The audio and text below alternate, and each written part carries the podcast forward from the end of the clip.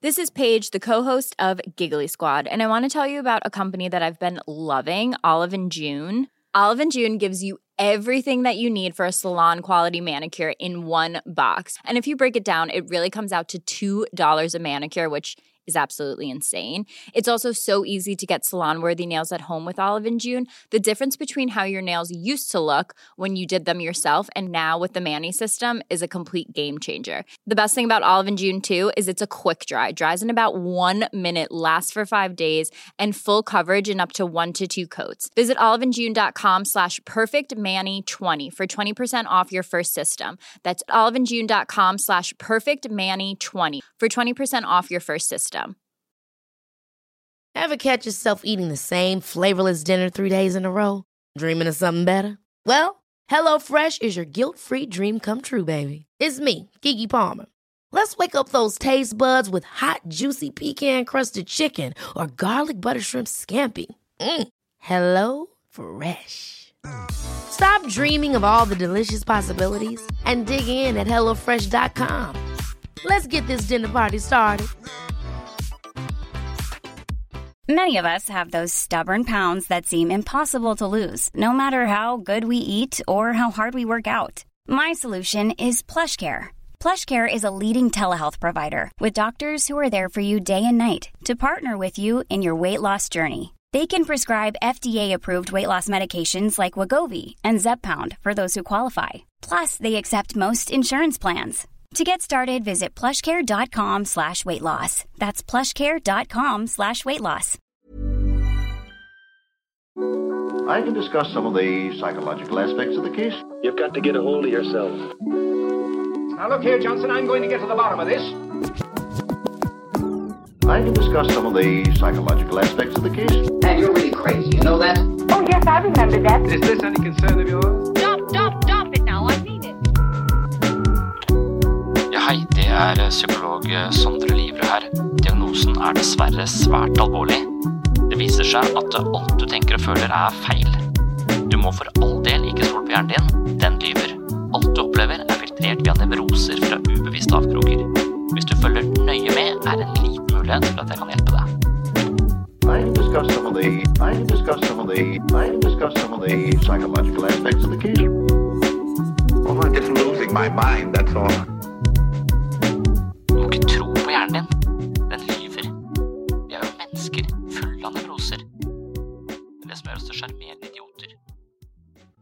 Konflikt er en fremtredende stressfaktor for barn, og koblingen mellom å oppleve konflikt mellom foreldre og psykiske helseproblemer er allerede godt etablert i alle typer familier, enten det er gifte, samboende, skilte eller separerte.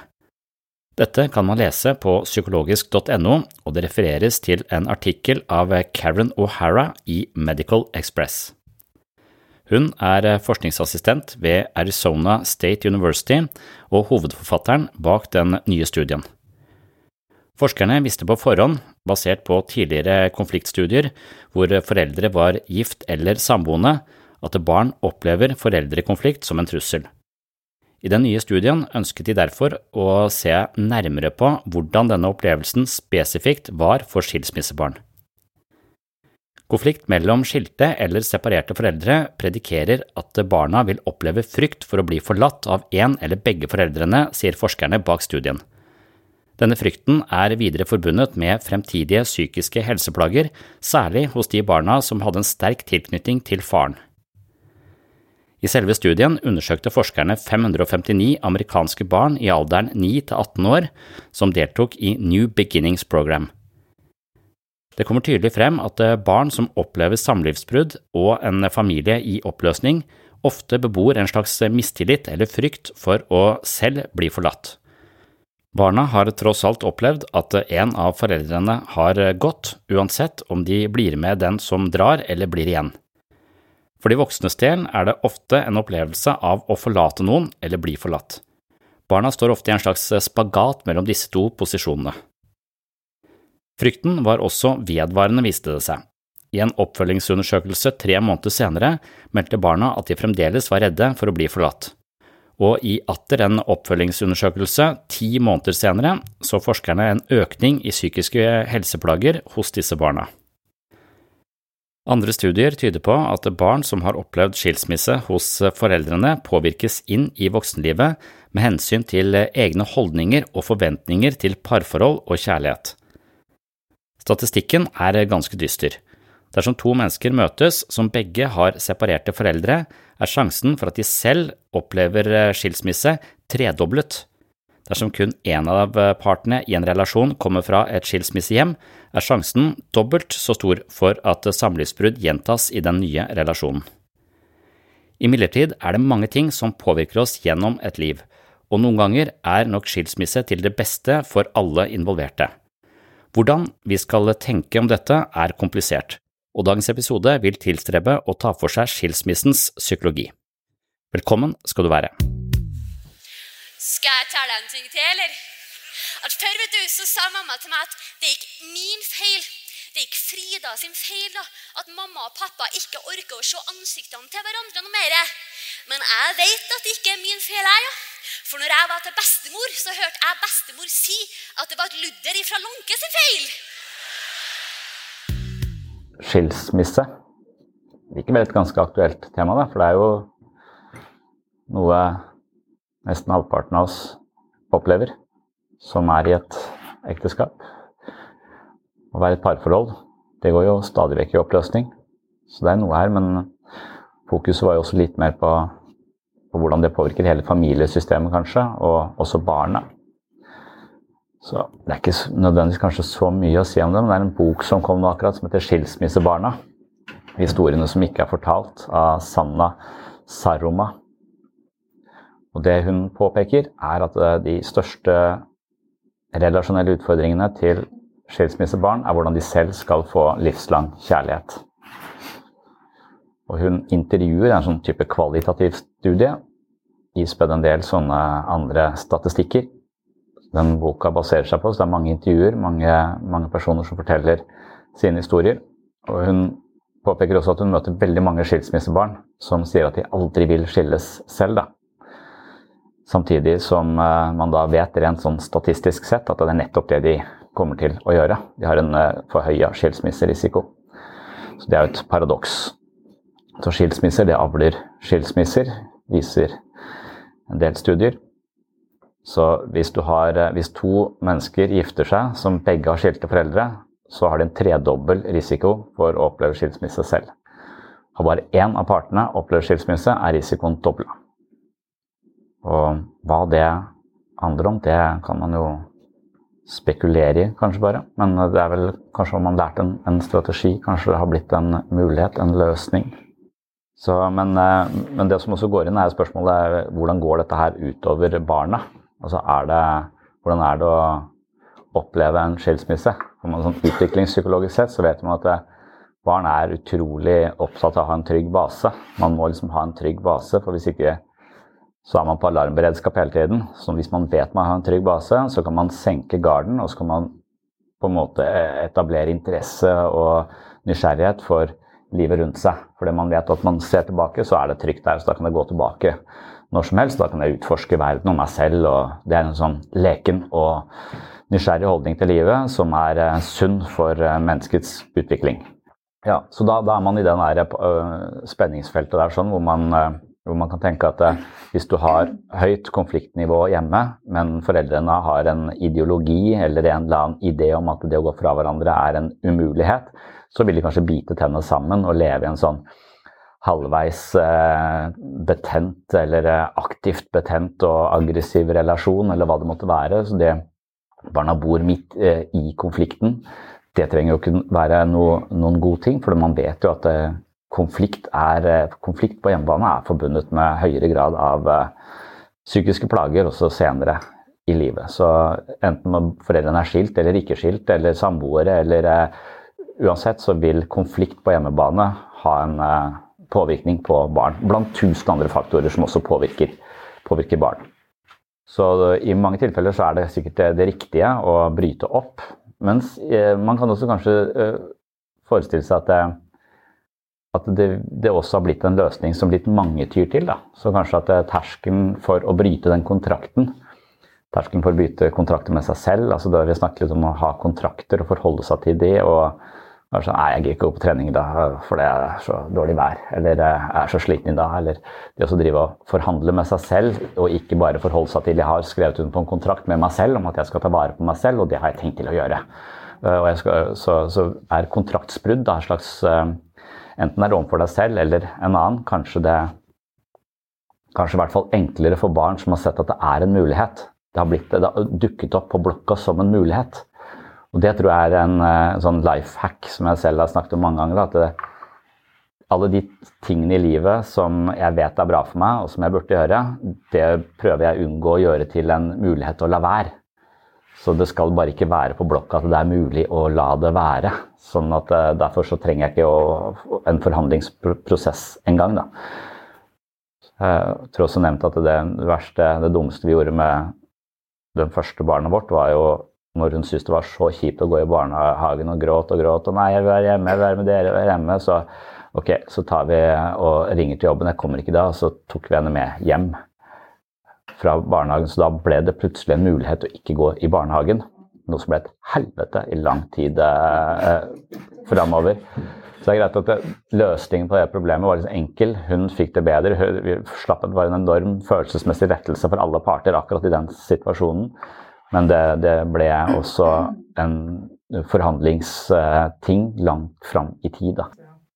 Ja, men, men det, man vet jo aldri, man kan aldri vite. Så, men vi kunne kanskje løst det på en annen måte. Snakket heller bare sitte at vi kommer litt seinere i dag. Vi må snakke om dette, vi må finne ut av hva det er. og så kan vi finne en annen måte å levere. Vi burde kanskje gjort noe annet, men det ble liksom å Og hvis da barn har opplevd at det å løse problemet med å gå fra hverandre er på blokka, så kan det nok hende at det står for litt av den statistikken, at de i dobbelt så stor grad gjør det selv når de, når de møter utfordringer. Men det er vanskelig å moralisere rundt, ikke sant? for noen ganger så er det det var veien ut, det var det viktigste. Og andre ganger så, så var det en litt eh, Kanskje var minste motstands vei i en jæklig komplisert situasjon. Som, som, man kanskje kunne lært mer om både seg selv og den andre, og styrka relasjonen hvis man hadde holdt den kontrakten gående litt lenger. Så det, det vet man jo, jo, aldri. Så kan man kanskje mistenke at vi lever i en tid som favoriserer ytre løsninger på problemer av uh, intern karakter. Da. Vi, litt av det med den tallskalleboka, det at vi hele tiden driver og monitorerer og teller og kvantifiserer alt. så selv min egen opplevelse skal måles på skala fra 1 til 10. Altså jeg skal gjøre dette noe objektivt, ikke noe, ikke noe subjektivt. Og jeg teller skritt, så istedenfor å være interessert i naturen, så, så, ser jeg hvor langt jeg går. Og jeg teller antall konsultasjoner per dag på antall mennesker jeg møter, istedenfor å være nysgjerrig og føle en slags, være opptatt av å skape mening i det møtet. Så blir jeg mer opptatt av hvor mange har jeg hatt. Ikke sant? Så jeg kan flytte mange ting fra innsiden til utsiden. Og det kan også hende at jeg flytter problemer fra innsiden til eh, utsiden. og det det gjør jeg med når det gjelder det der med at jorda går til helvete. Ikke nødvendigvis av krig, men av eh, menneskeskapte klimaendringer. Og det eh, plager meg jo. Og, og den, den, smerten den tenker jeg er nødt til å stå i, for den eh, motiverer meg til å gjøre så godt jeg kan. Men det er jo også veldig Noen ganger så tenker jeg at det, det er totalt meningsløst at vi, vi, det hele tatt er her, og at uh, vi gidder å stå i dette greiene her. Jeg føler det er ganske meningsfullt å leve med. I en kosmisk sammenheng så er vi helt ubetydelige. Og når det virkelig griper meg, så kan jeg prøve å tåle den følelsen, som jeg syns er jævlig vanskelig. Eller så kan jeg drikke to glass whisky, så er den borte. Så det er to forskjellige løsninger på det samme problemet. Og det er mye lettere å ta to glass eh, whisky, for da begynner jeg å tenke på andre ting. Jeg på musikk, og så blir det hyggelig. Eh, det var så jævlig eh, grått og trist like, like før. Så det er en ytre løsning på et internt problem. Om mellom, altså relasjonen, innsiden av det som foregår mellom, mellom to mennesker, det er også komplisert. Det er dritkomplisert å være sammen med andre mennesker, og i hvert fall stå de ganske nær. Så det å da løse den eh, typen problematikk med to glass whisky, det er jo også fristende, sannsynligvis.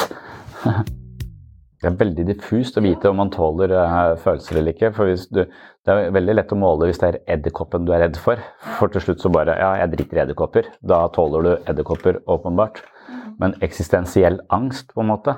For meg så er det sånn at når jeg, når jeg får den der uh, eksistensielle følelsen av at ting er meningsløst, så blir jeg kvalm. Det brekker meg nesten. Mens uh, jo mer jeg, etter hvert så brekker jeg meg ikke. Det har ikke bedre. Fortsatt kvalm. Brekker meg bare ikke. Har ikke bedre.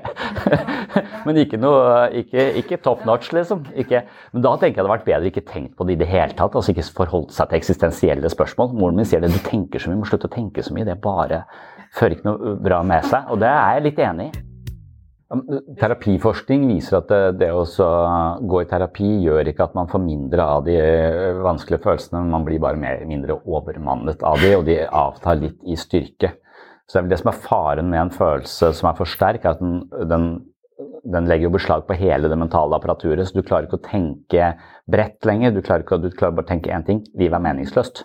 For eksempel, eller sånn, men så ser du ikke ja, det er masse mening, det er, masse, det er, det er ikke sikkert, det er, det er, så mange faktorer som ikke får bli med, for den følelsen har farget hele. og Da er du liksom fanga. Så det å tåle en følelse er vel kanskje å opprettholde et slags eh, gangsyn på at det, det er et øyeblikksbilde av noe. Det får ikke lov til å farge hele, det er ingen sannhet. Sånn, alt du tenker og føler er feil. Så hvis den kommer inn, så, så kan du kanskje tåle følelser uten at det, det blir altoverskyggende. Altså, jeg, jeg, tror noen sånne eksistensielle eh, ting, det tror jeg kanskje man Det bør holde på en armlengdes avstand, egentlig.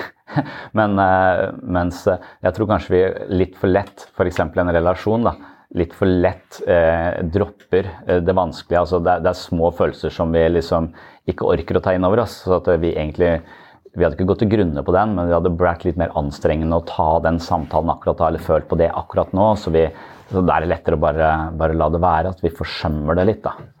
Så, så, de fleste problemer er jo ikke ett enkeltproblem, det er jo det er liksom en slags forsømmelse over lang tid av små problemer som til sammen har blitt et stort problem eller et mønster.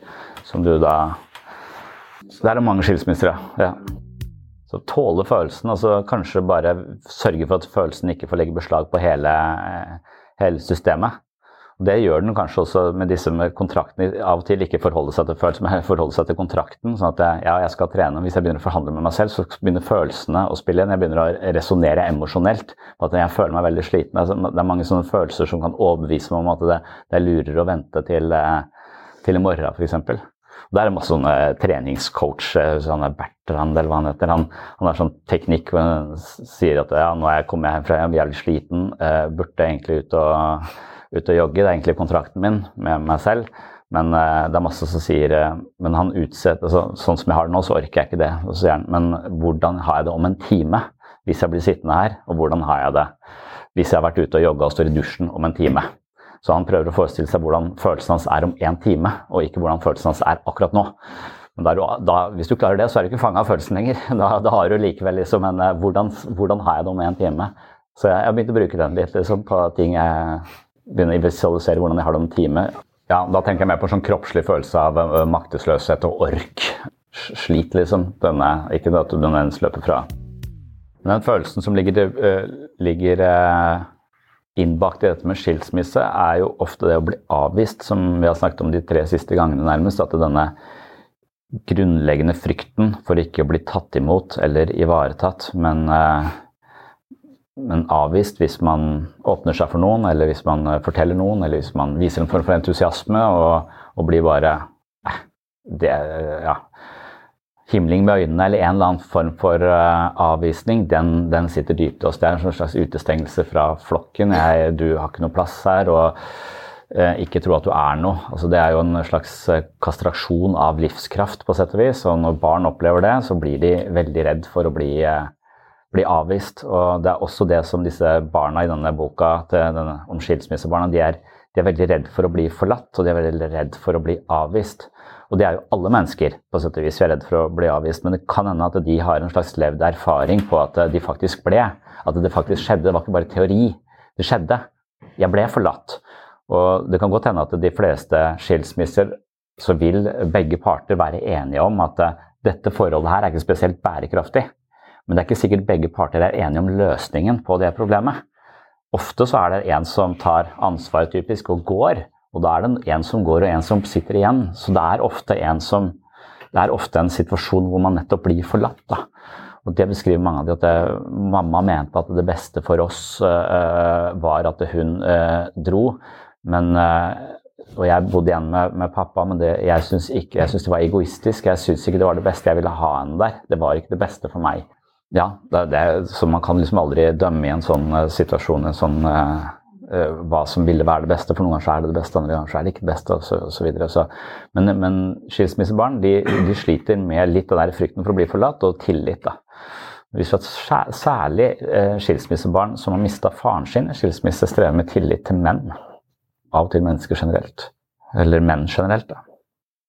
Det, men det er mange foreldre som sier ja, nå får du to rom, og du får to hus, og uh, du får uh, så, så, de prøver å sukre den uh, følelsen av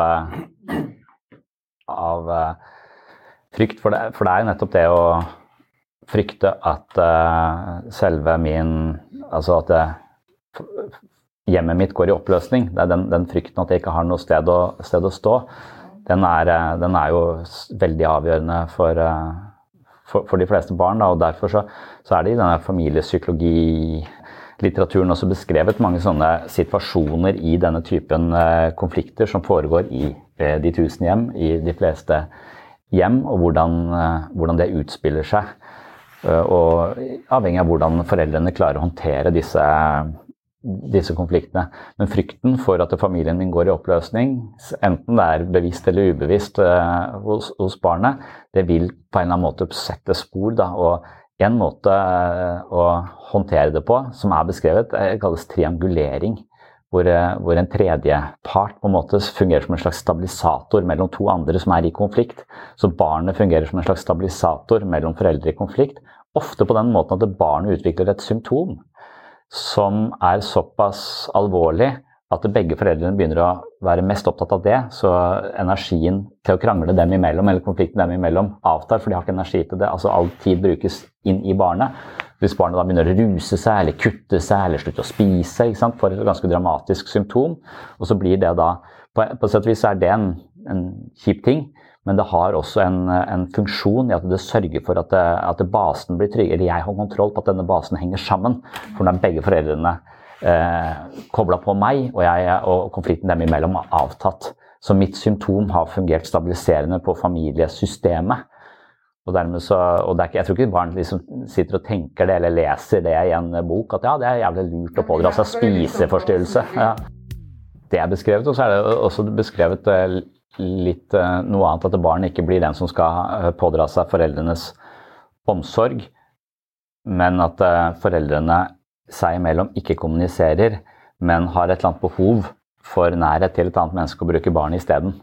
Så barnet blir et slags partnersubstitutt, hvor det får ofte en type voksenrolle på et altfor tidlig tidspunkt. Hvor man under en fane av at ja, jeg snakker om alt med dattera mi, og vi er helt åpent. Det er veldig fint å ha et åpent forhold, men det skal ikke være så åpent at barn blir bærer av foreldrenes poser. på noen måte. Altså, så man kan kanskje Det er også en sånn man er oppmerksom på i familiesystemet. eller Når man jobber i ABUP på familiepoliklinikken f.eks., så er det litt sånne, sånne relasjonelle dynamikker man, man, ser etter og prøver å beskrive. Da, og, og se er dette ja, Man tenker kanskje at man bare er åpen med barna sine, men på et sett og vis så bruker man de kanskje som en slags substitutt for det som manglet i, i den andre, andre, relasjonen. Og barn er jo jævlig lojale ofte, så, så de Hvis de kan bidra, så gjør de ofte det. altså Barn i opposisjon til foreldrene føles litt sunt innimellom. For da er det som om at ja, jeg tror at foreldrene mine tåler at jeg eh, sier 'fuck you'. Så noen ganger når barn sier 'fuck you' til meg, så, så jeg Yes, du tror jeg tåler det, hvis jeg gjør det.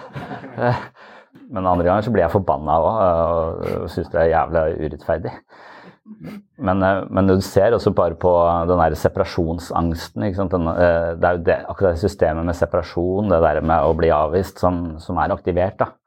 Og det, det, skal ikke så mye til før, før barnet kommer i en sånn der lojalitetskonflikt. Altså, vi skulle bare hjem fra vi hadde kjørt eh, halvannen time vestover, liksom, og så hadde vi kjørt to biler. Så skulle vi hjem, og så skulle den yngste dattera mi si, 'Jeg vil sitte på med pappa.'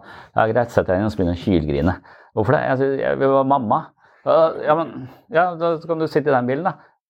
Nei, jeg ville være her. Og så satt jo grein en sånn halvtime, fordi han, at vi, vi møtes om en eh, halvannen time. Men da, og da, liksom, da var det som om han også begynte sånn Ja, men hvis jeg hadde vært i andre bilen, så hadde jeg grått, for da hadde jeg savna deg. Bare sånn at du, skulle sørge for at jeg også blir savna. Det er ikke bare altså, det er En slags rettferdighets... Uh, sånn, ja, ja, sånn eh, ja, og jeg syns hun eldste er veldig på det. Hvis jeg spør henne ja, hva vil du, så vet hun at vi har forskjellige meninger. Og så, og så spør vi ja, hva syns du? Det er, du på mitt lag eller er du på hennes lag? Og, og så, jeg vet ikke, jeg vet ikke, jeg vil ikke ta stilling, jeg orker ikke å ta parti. Så Det skal ikke mye til før man kommer i den der lojalitetskonflikten. Og hvis det da er stor konflikt mellom foreldrene, så, så, kommer det sånn skvis ganske ofte hvor følelsen av å ja, måtte avvise noen eller ta parti kan være svært krevende tror jeg, for små, for små mennesker. Man får en slags relasjonell mal på hvordan man omgås andre og bruker de erfaringene senere i livet. Og hvis all erfaring tilsier at alle jeg blir glad i, de forsvinner når som helst, og det kommer nye inn, nye inn, så, så er jo den derre det å koble seg på og satse på noe og åpne seg og være i en relasjon som blir brutt, det er jo Det vegrer man seg sannsynligvis for da, etter hvert, og heller holder avstand ja, for å beskytte seg selv. Det er sånne når jeg flytta hjemmefra, så hadde jeg en katt som jeg liksom var uh, veldig nær. Og det siste halve året før jeg flytta, jeg var sånn 18 år eller noe sånt, så holdt jeg bare 17-18 år, så, så slutta jeg å klappe den katten. Jeg ville ikke, jeg klappa ikke den katten uh, noe mer, for jeg skjønte at den kom til å dø på et eller annet tidspunkt. Og jeg var veldig nær den, men så bare avviste jeg den fullstendig. bare sånn, Jeg orket ikke den der å flytte fra den, på en måte. Så jeg forberedte meg på det ved å avvise den lenge, lenge før. En brutt, en brutt relasjon, liksom. Relasjonsskade overfor den. Jeg skjønte jo ingenting, stakkars. Altså, ja, jeg, jeg, orker ikke å Det er greit nok med mennesker, for det er voksne jeg kunne snakke med De Vi ses igjen, men den katten kommer ikke til å skjønne det. Og så jeg tenkte det er bedre å bare forberede deg på nå at jeg blir kald og utilgjengelig. Og så, så blir ikke overgangen så jævla brå, liksom.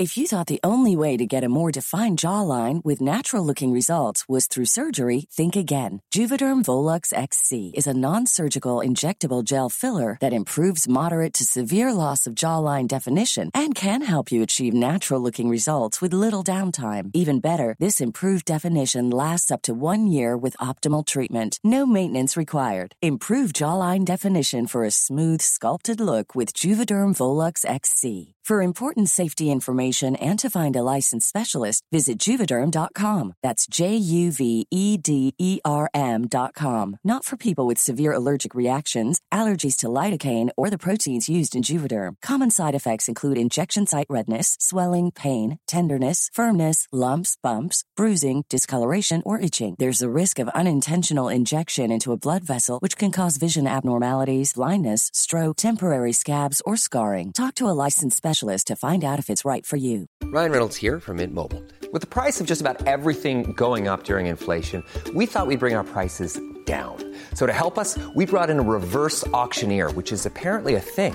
Mint Mobile unlimited premium wireless. Have to get 30, 30, bit to get 30, bit to get 20, 20, 20, bit to get 20, 20, bit to get 15, 15, 15, 15 just 15 bucks a month. So, Give it a try at mintmobile.com/switch. slash $45 up front for 3 months plus taxes and fees. Promo rate for new customers for limited time. Unlimited more than 40 gigabytes per month slows. Full terms at mintmobile.com. Millions of people have lost weight with personalized plans from Noom, like Evan, who can't stand salads and still lost 50 pounds. Salads generally for most people are the easy button, right? For me, that wasn't an option. I never really was a salad guy. That's just not who I am. But Noom worked for me. Get your personalized plan today at Noom.com. Real Noom user compensated to provide their story. In four weeks, the typical Noom user can expect to lose one to two pounds per week. Individual results may vary. Men, eh, men skilsmissebarn altså det er, det er en som heter Sondre Aasen Nilsen, som har uh, skrevet en doktoravhandling på skilsmissebarn. og Hans konklusjon er at de fleste skilsmissebarn klarer seg veldig bra. Så det er ikke nødvendigvis noe, noe, veldig farlig, men hvis det blir gjentatte ganger med brudd i relasjoner, flytte nye steder, skape ting på nytt også Det er en kjempekrevende prosess. Så, så det er nok eh, Jo flere ganger du opplever det bruddet, jo, jo mer eh, problematisk vil det sikkert, eh, sikkert være. Så, men, eh, men, han konkluderer med at, at skilsmissebarn klarer seg veldig bra. Og det han egentlig bare finner, er at eh, noen skilsmissebarn får dårligere karakterer i en periode. så de gjør det dårligere på skolen. Men det gjelder kun de barna som har foreldre med høy utdannelse og er privilegerte fra før. Så de barna som ikke har de samme ressursene, de vil ikke se noe særlig utslag på karakterene, for de har så mange andre belastninger i utgangspunktet som har påvirket karakterene. Så dette her på toppen kommer, gjør ikke så veldig stor forskjell. Da. Mens for de som har hatt det trygt og har mye ressurser og er veldig privilegerte, så vil et sånt brudd synes på karakterene, eh, viste det seg i den eh, doktoravhandlingen. Men utover det så mente han at de klarer seg, at vi er ganske robuste. For det er en del, del i den boka til hun eh, Sanna Saroma som beskriver at jeg vil ikke inn i et ekteskap. Jeg vil ikke, fordi jeg vil ikke oppleve det bruddet. Så de vegrer seg for å i det hele tatt gå inn i relasjoner. Men så er det også noen som beskriver at ja, men jeg gjorde det ikke før jeg ble 40. Jeg skulle være jævlig sikker på at jeg skjønte hvordan jeg skulle få dette her til å funke. Og så driver de med sånn type vedlikeholdsarbeid at de har noe De har, går og snakker med noen innimellom. bare sånn, det er sånn forebyggende, der var det en del som beskrev den boka, fordi de nettopp kanskje har lært av foreldrenes eh, tabber. Så istedenfor å gå i de samme fellene, så er de veldig oppmerksom på kanskje de er oppmerksom på statistikken. Sjansen for at jeg skiller meg, er dobbelt så stor bare fordi at eh, dere gjorde det. Og Derfor så skal jeg skjønne at dette her er en fallgruve i mitt liv, men det skal jeg bare forebygge.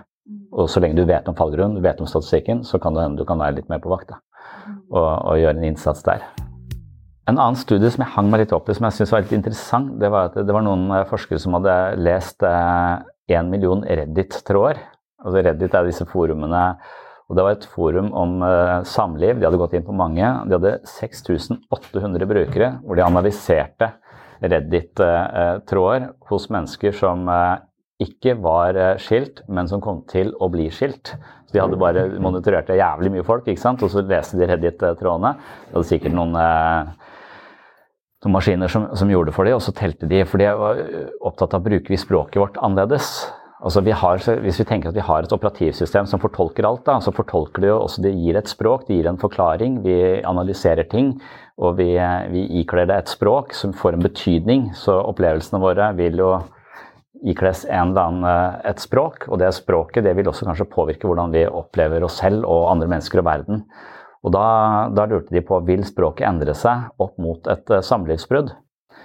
Og det gjorde det. Og det de spesielt så på, var sånne ord som vi bruker uten at vi egentlig tenker så mye over det. Preposisjoner, bestemmelsesord og pronomen. Og spesielt altså jeg og vi.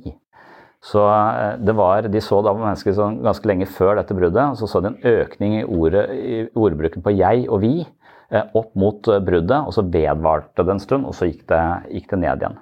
Og, og, Tanken er at de at ja, vi blir mer selvsentrerte når vi er i konflikt.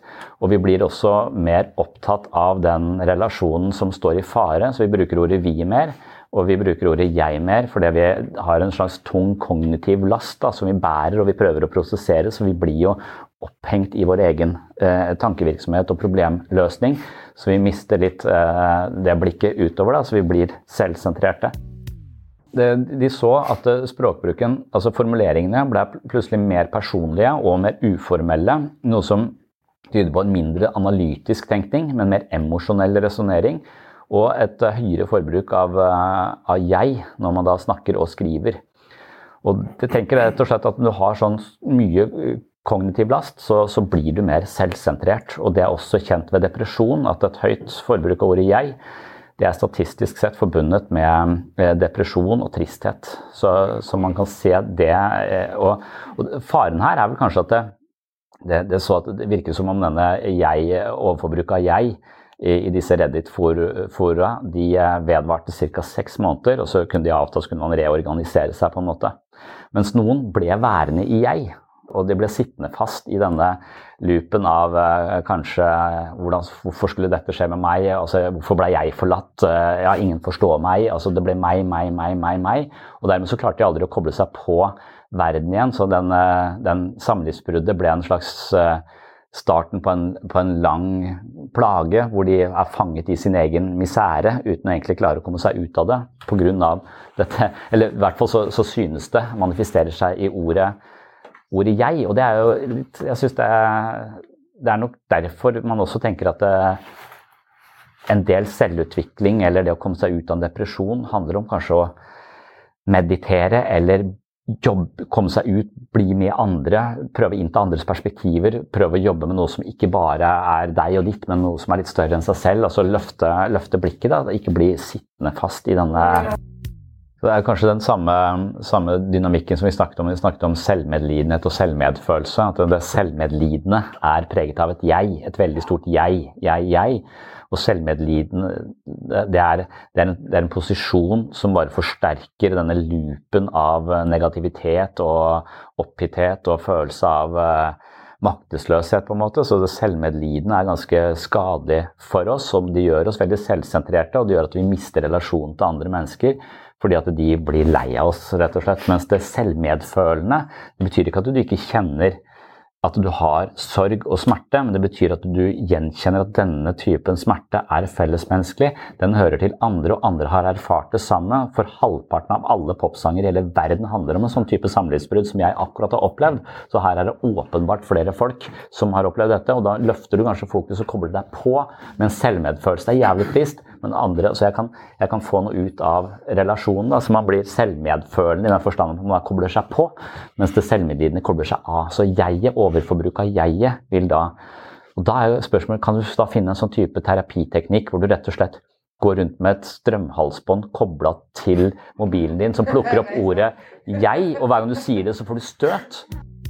Jeg lurte litt på sånn type musikk, for jeg, jeg, selv bruker musikk veldig mye og tenker at uh, jeg jo hører ofte på musikk som matcher mitt eget stemningsleie, for å føle en slags sånn fellesmenneskelighet. At dette her er uh, noe som folk opplever, det er en del av uh, livet. Dette mørket er en del av livet, og det er beskrevet i den og den sangen på en sånn fantastisk måte.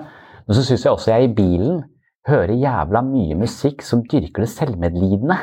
Altså, meg, altså, Tix er ikke det jævla selvmedlidende? Jo, stakkars meg, og hva ville du gjort hvis jeg ble borte? Hadde du fått dårlig samvittighet da? Ah, jeg veit ikke. Frykten min er at det tenner, at det, det mater det selvmedlidende i de som også hører på. At det ikke mater det fellesmenneskelige eh, med smerten, og dette er noe vi står sammen i, men det er stakkars meg, stakkars meg, at det, at det, at det, at det mater det selvmedlidende.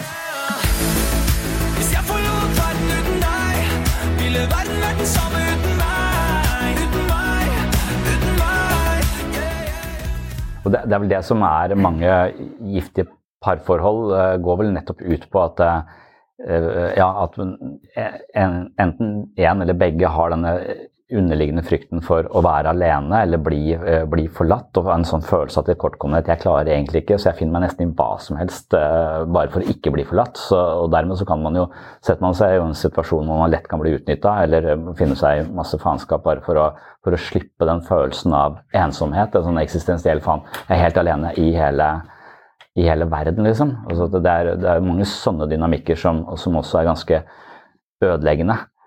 De, de, forholdene burde vel kanskje vært enten brutt eller vært eh, sett på, altså på innsiden av problemet. Hva slags tendenser har vi to? Og hvis jeg begynner å utnytte deg fordi du finner deg i hva som helst, for du er så redd for å bli eh, forlatt. Og jeg er mindre redd for å bli forlatt enn det du er. Derfor kan jeg utnytte det som en type makt. Så det blir en ubalanse i maktrelasjon i forholdet. Da, da, tror jeg man er inne på en ganske sånn og, og hvis man da begynner å bruke den makta, så blir man jo et dårlig menneske. Men den andre setter ikke grenser som den tillater at du blir et dårlig menneske, og så klarer du ikke å bremse det sjøl. Så begge, begge, Den ene blir et offer, og den andre blir en slags overgriper. Men det er dynamikken mellom de som iscenesetter akkurat dette, denne relasjonen her sånn. Og da må man jo se inn har jeg lyst til å være en person som tråkker over andres eh, grenser eller, eller bruker makt mot andre. Eh, de fleste ville kanskje svare nei på det spørsmålet, men uten at du vet det nå, så gjør du det. I, i denne relasjonen, ikke sant? For det er det en ekte styrke en form for sårbarhet å se på sine egne tendenser og, og kanskje du sier at kanskje samfunnet En ting er at vi kvantifiserer alt, men hver gang vi kvantifiserer noe, så kan vi også sammenligne det.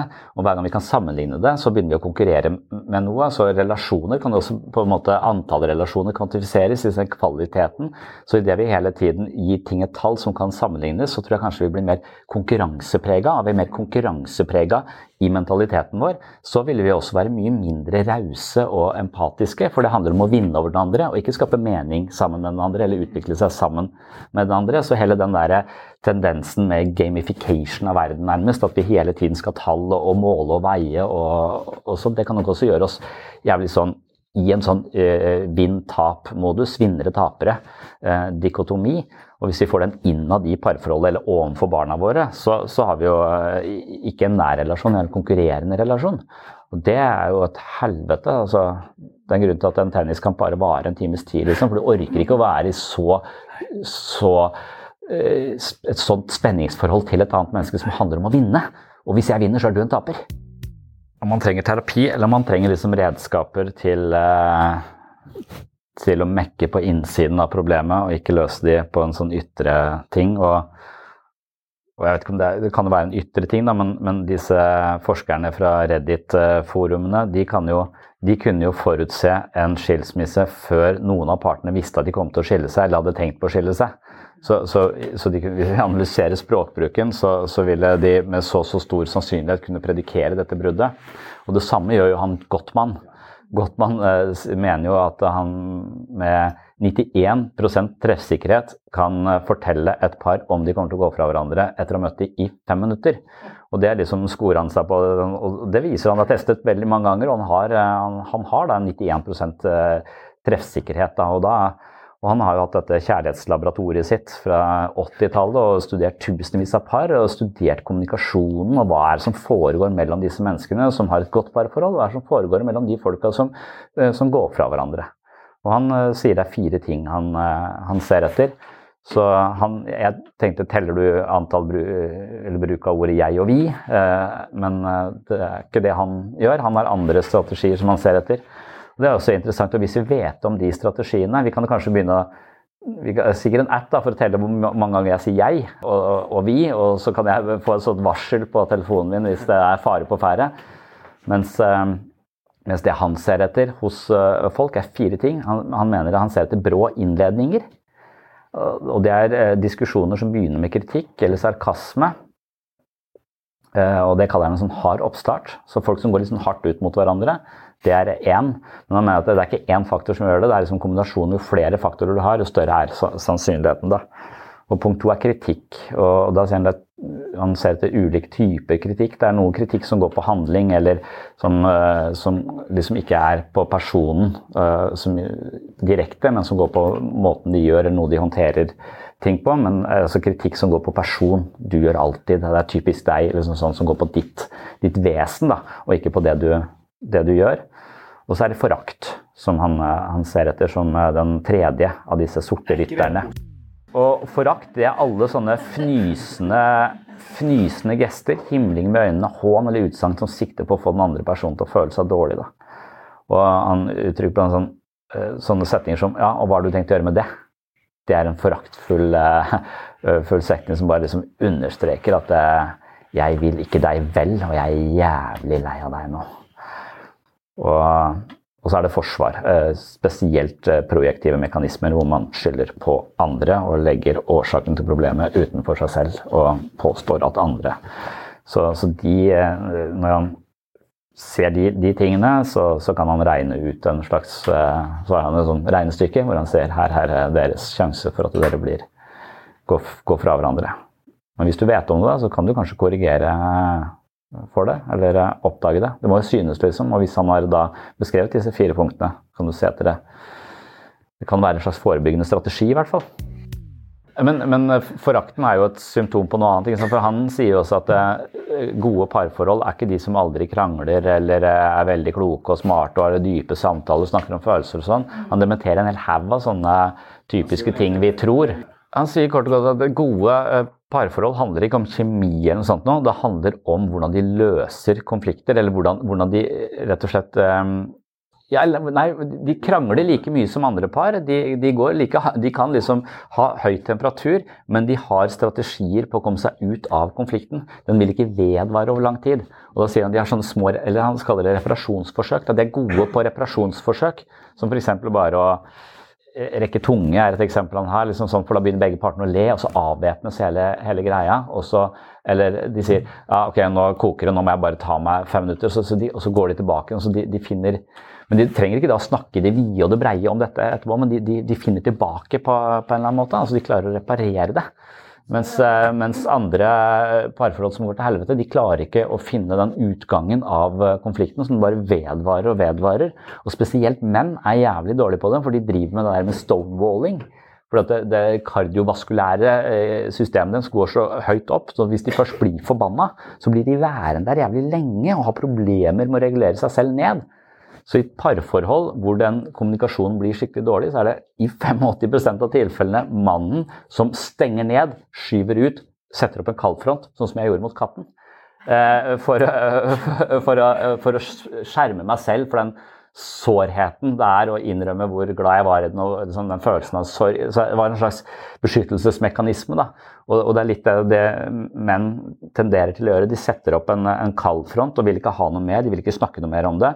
Så da i 90% av tilfellene så er det kvinnen som eh, kommer med det første reparasjonsforsøket og sørger for at relasjonen kommer tilbake på et eh, stabilt eh, Eller på, på, et, på et, bedre spor. da. Så der er det, jo, det er jo menn som burde lese Gottmann. Det er jo nesten bare kvinner som gjør det. Men jeg mener kanskje at jeg selv klarer å gi meg selv time-out. At jeg merker at nå ble jeg forbanna, nå trekker jeg meg unna dette her en periode. Problemet er at jeg går ikke tilbake igjen. Altså, for da føler jeg jeg taper ansikt. Jeg tenker at jeg kan tåle å være aleine i ukevis, så jeg, nå gir jeg faen. så, så, ja, det, men det krever jo sårbarhet å gå tilbake igjen da. Det krever liksom å, å være det, det, krever noe annet enn sinne og selvhevelse. Det krever sårbarhet. og der, Jeg tror det er der eh, det skorter for, for mange. Og det er det, som, det er det reparasjonsforsøket der som er nøkkelen, liksom. Og det er mye som byr oss imot da, å gå tilbake og si ja, sorry, jeg sa det og det, og det mente ikke Men selv om du ikke sier at det var Du sier ikke at jeg er skyld i konflikten, men du, du gjør et reparasjonsforsøk og tar noe ansvar, så at den andre kanskje kan ta noe ansvar, så, så får man en, en, reparasjon. da. Men eh, jeg tenker ofte at jeg ikke vil ta noe ansvar, eller jeg skjønner at jeg har ansvar, men jeg vil faen ikke innrømme det. Og det, eh, det, det syns jeg ikke Eller det, det, ja, det er overraskende vanskelig å ta det ansvaret eh, noen ganger. Selv om det høres litt enkelt ut. Men det kan, kan hende at det også kjennetegner en sånn slags mental styrke å, å håndtere timeouten. For problemet med timeouten er at nå må du håndtere dine egne følelser aleine. Du, du, finner ikke noen forløsning her nå i der konflikten hører hjemme. Du må bære de følelsene du har på egen hånd fram til vi møtes på nytt. Så, så det er litt den derre altså, Å klare å bære sine egne følelser en periode i i timeouten for at man skal kunne begynne lavt, som du sier, da, igjen seinere. Jeg husker leste Gottmann for mange år siden, og da, da eh, det, det, jeg fikk mest ut av, det var han skrev at 69% av eh, alle eh, konflikter handler om ting som ikke lar seg forandre uansett. Så de tingene man ønsker forandret hos den andre, eller de meningene man vil at den andre skal ha som man selv har, men den andre har motsatt meninger, de vil ikke endre seg. Så at eh, du bruker jævlig mye mental energi på å prøve å overbevise andre om at de bør endre seg på en eller annen måte, men de kommer ikke til å gjøre det. Så det er waste. Så det å akseptere at andre er sånn som de er, ikke prøve å forandre dem, det er jævlig smart. For hvis du slutter å prøve å forandre andre mennesker, så, så ser det ut som om de forandrer seg mer.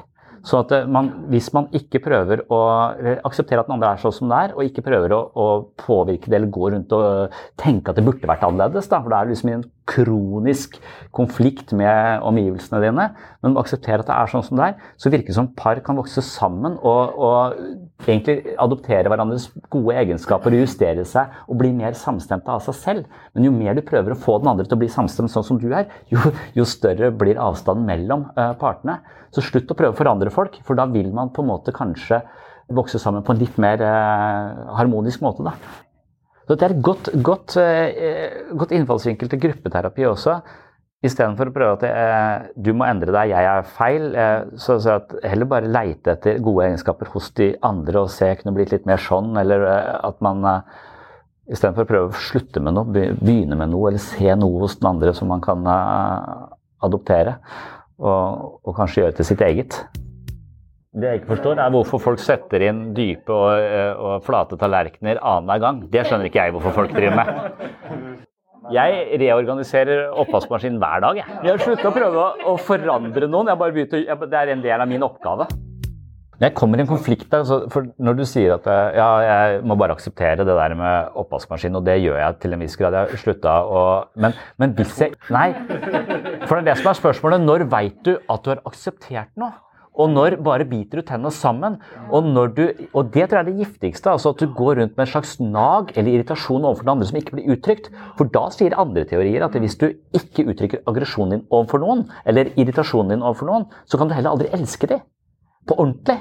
For det kommer til å være en vegg mellom der. Så for at jeg skal kunne elske noen, så må jeg også kunne eh, uttrykke de, de, de intention of the opposites. Da. Jeg må kunne på en måte mislike noen for å elske dem nærmest. Og det må komme til uttrykk. Og hvis jeg bare under en sånn faen av aksept og mindfulness og la det gå og bare reorganisere den jævla oppvaskmaskinen hver dag og later som om jeg aksepterer det. Det kommer jo opp år etter år! Det er jo det er sånn der eh, Timmy og dragen altså, at Det er sånn det vokser drager hjemme hos folk her hver gang de ikke uttrykker et eller annet sånt noe, men bare feier under teppet og later som um, drager ikke fins. Jo mer du sier at det drager ikke fins, jo mer du sier at jeg er ikke irritert over dette, det er helt greit, jo større blir den dragen, og til slutt så stikker han av med huset ditt. Er jo eh. ja. Men med en gang du får en app som logger hvem som gjør mest i et parforhold, så har, det, så har det blitt en slags transaksjon, hele greia, liksom. Og jeg tror den kommer til å skyve all andre all nærhet og omsorg og relasjon ut til fordel for måling og Takk for at du hørte på Sinnsyn. Hvis eh, du har fulgt Sinnsyn en stund, så vet du at jeg ofte reklamerer for et mentalt treningsstudio. Det vil si at jeg har en plattform hvor jeg lager mentale øvelser, meditasjonsprogrammer, ekstra episoder av sinnssyn, etablerer egne selvutviklingsbøker som lydbøker og integrerer dem i et helhetlig mentalt treningsprogram. Dette har foregått på en side som heter patron.com for sinnssyn, og det gjør det fortsatt, men nå har jeg også laget en app. Endelig har Sinnsyns mentale helsestudio fått et fornuftig oppsett. Appen inneholder alt du trenger for å komme i form både mentalt og fysisk. Over 500 timer med psykologi, kurs og videoleksjoner, mine beste tips og mentale øvelser. En app full av ting du ikke har tenkt på før, og nye perspektiver på ting du kanskje har tenkt på ganske ofte. Her kan du gjøre et dypdykk i ditt indre liv og oppdage nye sider ved deg selv og andre mennesker. Lær deg mindfulness, følg meditasjonsprogrammet Kom i form med et profesjonelt fitness- og yogaprogram på ni moduler. I fitnessprogrammet er det instruktør Kenneth Mortensen som kombinerer det beste fra styrketrening med det beste fra yoga. Dessuten er det en avdeling med meditative lydbilder hvor du kan finne ro og sjelefred. Og i god sinnssyn-tradisjon er det rikelig med anledning til å lære seg nye måter å tenke på gjennom filosofiske diskusjoner og med denne appen oppfordres du til å starte en psykologisk reise langt inn i sjelslivets ubevisste avkroker. Appen har blitt et komplett mentalt treningsstudio, slik jeg alltid har sett det for meg, og det reflekterer måten jeg selv driver min behandlingspraksis på til hverdags. Last ned appen i dag fra Google Play eller AppStore, avhengig av hva slags telefon du har. Få et mentalt helsestudio rett i lomma. Appen er gratis å laste ned, sjekk den ut med en gang. På gjenhør i neste episode. Oh, oh I'm just losing my mind, that's all.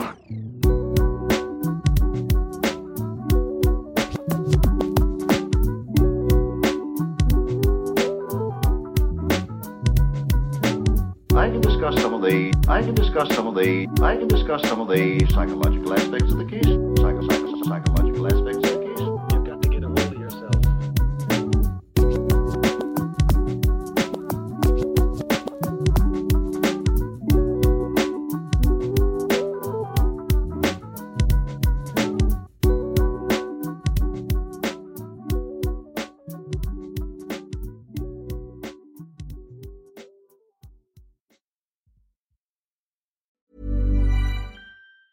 Mom deserves the best, and there's no better place to shop for Mother's Day than Whole Foods Market. They're your destination for unbeatable savings, from premium gifts to show-stopping flowers and irresistible desserts. Start by saving 33% with Prime on all body care and candles. Then get a 15-stem bunch of tulips for just $9.99 each with Prime. Round out Mom's menu with festive rosé, irresistible berry chantilly cake, and more special treats. Come celebrate Mother's Day at Whole Foods Market. Hold up. What was that? Boring. No flavor. That was as bad as those leftovers you ate all week. Kiki Palmer here, and it's time to say hello to something fresh and guilt-free. Hello Fresh. Jazz up dinner with pecan-crusted chicken or garlic butter shrimp scampi. Now that's music to my mouth. Hello Fresh. Let's get this dinner party started. Discover all the delicious possibilities at hellofresh.com. Mom deserves the best, and there's no better place to shop for Mother's Day than Whole Foods Market. They're your destination for unbeatable savings, from premium gifts to show-stopping flowers and irresistible desserts. Start by saving 33% with Prime on all body care and candles. Then get a 15-stem bunch of tulips for just $9.99 each with Prime. Round out Mom's menu with festive rosé, irresistible berry chantilly cake, and more special treats. Come celebrate Mother's Day at Whole Foods Market.